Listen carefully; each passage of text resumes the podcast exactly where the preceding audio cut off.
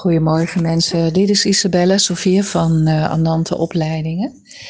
Uh, vandaag wil ik het graag uh, hebben over een stukje van de mysteriekant van het leven.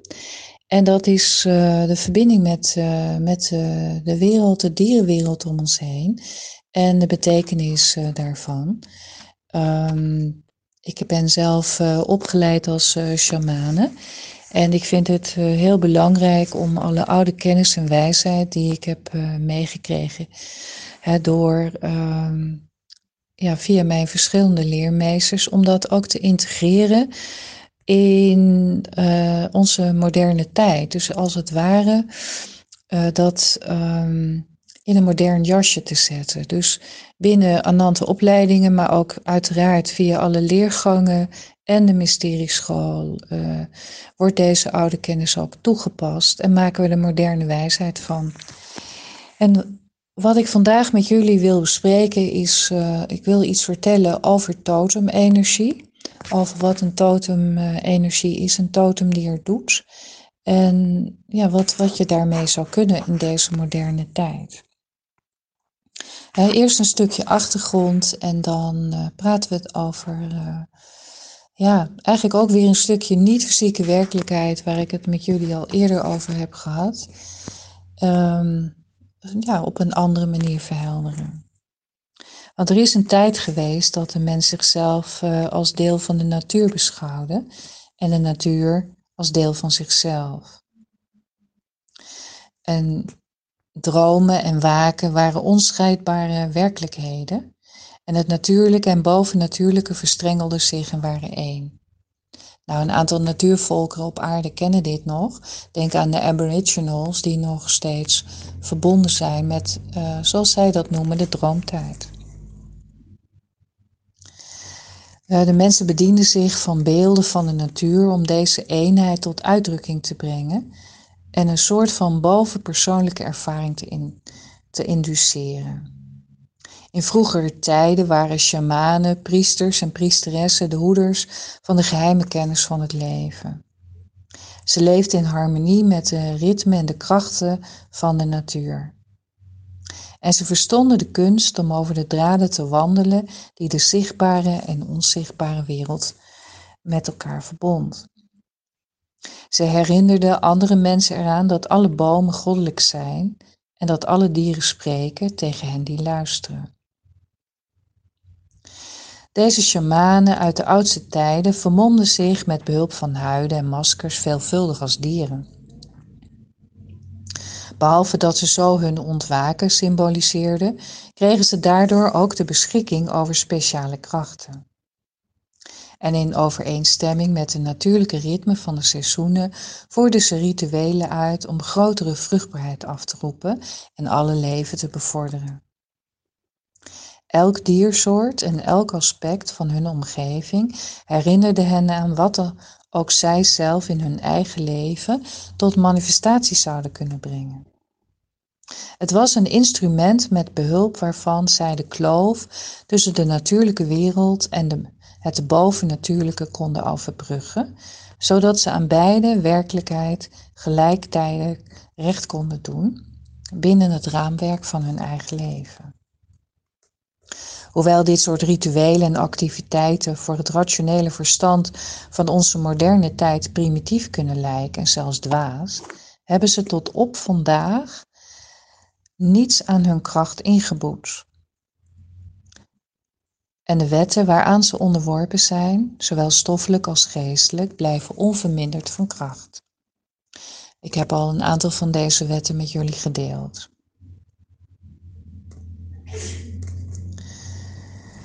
Ofschoon verschillende volken deze wetten vanzelfsprekend elk op hun eigen unieke manier tot uitdrukking hebben gebracht, worden ze vermoedelijk het duidelijkst verwoord in de oude hermetische correspondentiewet, zo boven, zo beneden, zo beneden, zo boven. Dit beginsel leert dat alles met alles samenhangt en betekenis heeft. We kunnen het stoffelijke niet van het geestelijke scheiden, het zichtbare niet van het onzichtbare.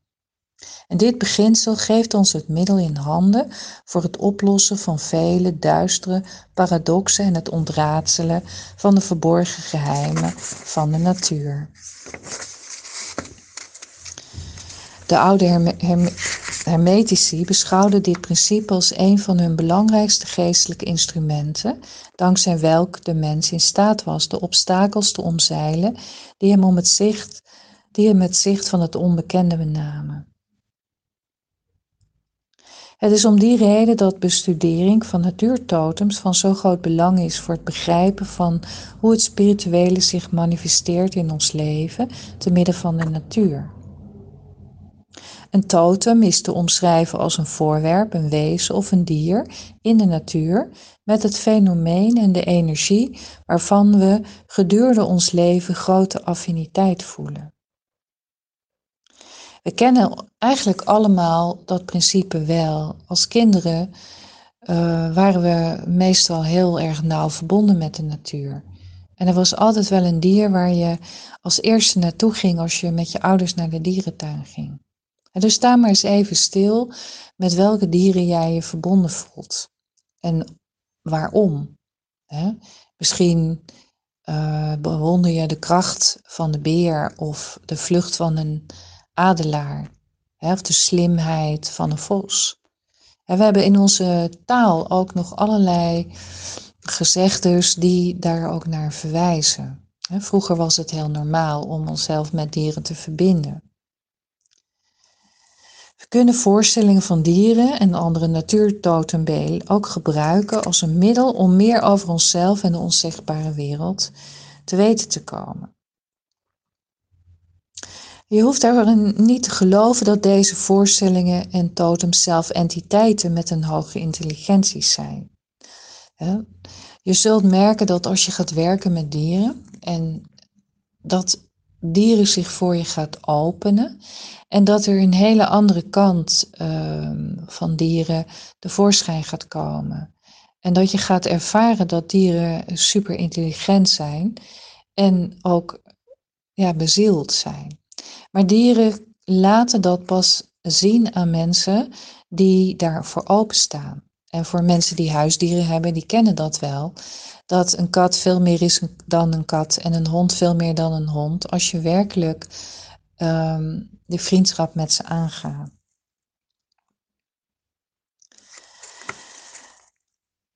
Achter ieder dier zit een uh, archetypische kracht, een bepaalde betekenis. Dus ieder dier heeft een, een bepaalde betekenis waar je mee kunt werken. Alle katten bijvoorbeeld, of ze nu groot of klein zijn, staan voor eigenliefde. dus de, de, de, het archetypische van een kat is eigenliefde. En um, een hond staat voor trouw zijn aan jezelf. En als je dan gaat kijken naar de grote katten, dan hebben die daarnaast allemaal nog hun eigen betekenis waarin je mee kunt werken dus een jaguar bijvoorbeeld is een grote kracht bijvoorbeeld in uh, de, de Zuid-Amerikaanse landen, omdat de jaguar staat voor een uh, immense heling. En een jaguar is geen zachte heelmeester, die werkt echt met uh, tanden en klauwen.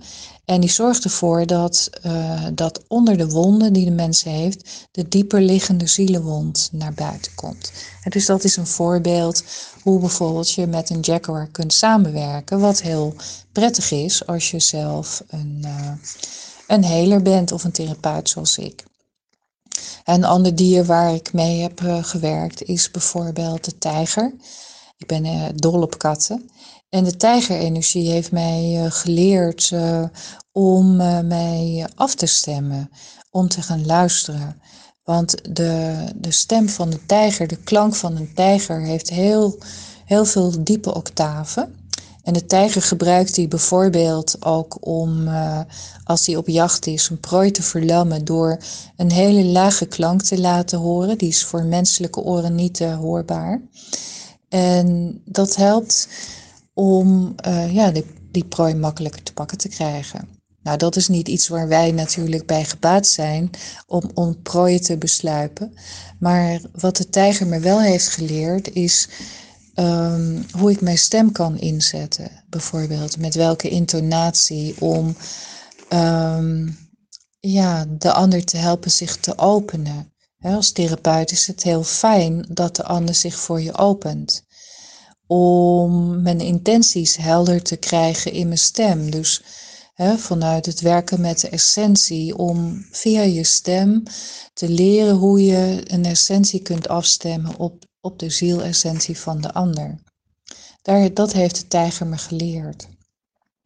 En zo kunnen alle dieren zo hun uh, betekenis hebben en kunnen je helpen om bepaalde um, nou, bepaalde talenten te ontwikkelen, bijvoorbeeld. Of uh, ze kunnen je dienen met kracht als je je bijvoorbeeld zwak of, of uh, ja, onzeker voelt. Uh, ze kunnen je helpen en steunen, beschermen.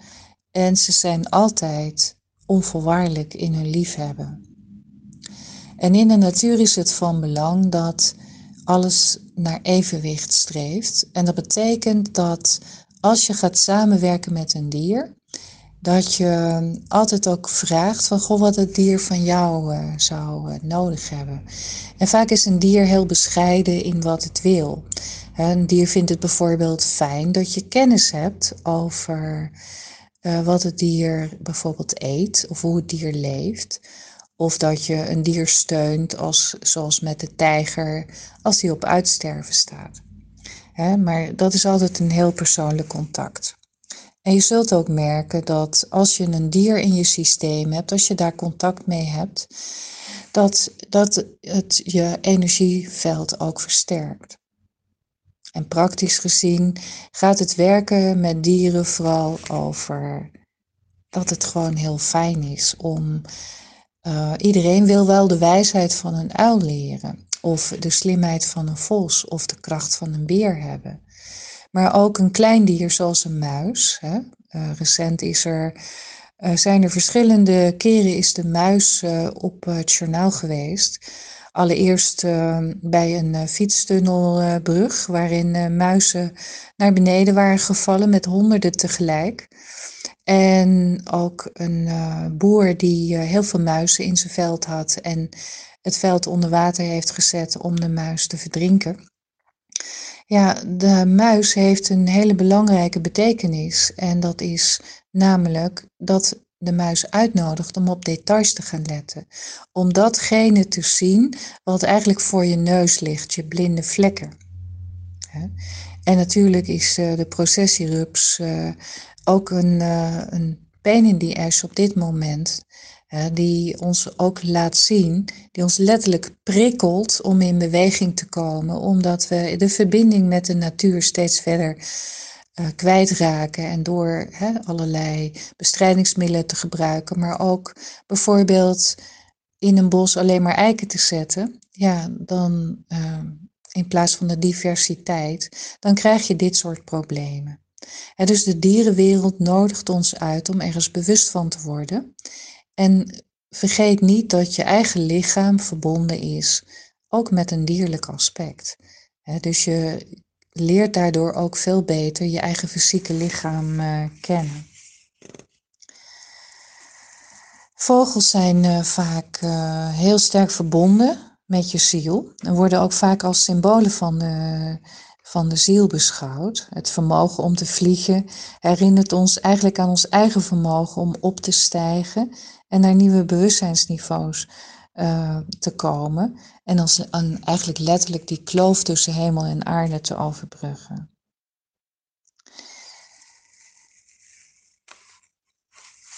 Wat belangrijk is, is dat je voor jezelf helder krijgt van goh, welk dier past bij mij.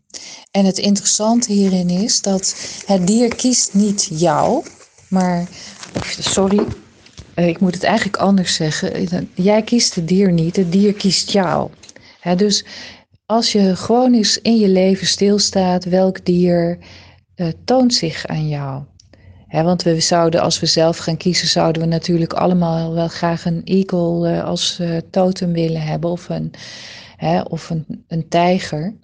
maar het zijn ook vaak juist de kleine dieren die, die ons ook kunnen helpen. dus om erachter te komen wat je totemdier is, ehm, kan ik uh, een, uh, een meditatie voor je inspreken. Dat zal ik bij de volgende podcast doen. Dan kunnen we ze samen uh, naar buiten brengen. Waarin je in contact kunt komen met je totemdier en nou, de reis kunt aangaan als je dat wil uitproberen. En wat belangrijk is, is dat je daarin zelf leert om uh, hoe je in contact kan blijven en hoe het dier met jou in verbinding kan blijven. Nou, een heel klein stukje over uh, totemdieren. Ik uh, hoop dat je ervan genoten hebt. Dieren zijn onze vrienden, hebben ons heel veel te bieden um, en we kunnen heel veel van ze leren. En dat is mijn uitnodiging. Kijk eens om je heen. Welk dier manifesteert zich in jou? En jullie krijgen van mij een geleide meditatie om zelf in contact te komen met je totem eh, met je totemdier. Oké? Heel veel plezier ermee en uh, alvast een fijne zomer gewenst. Dank jullie wel.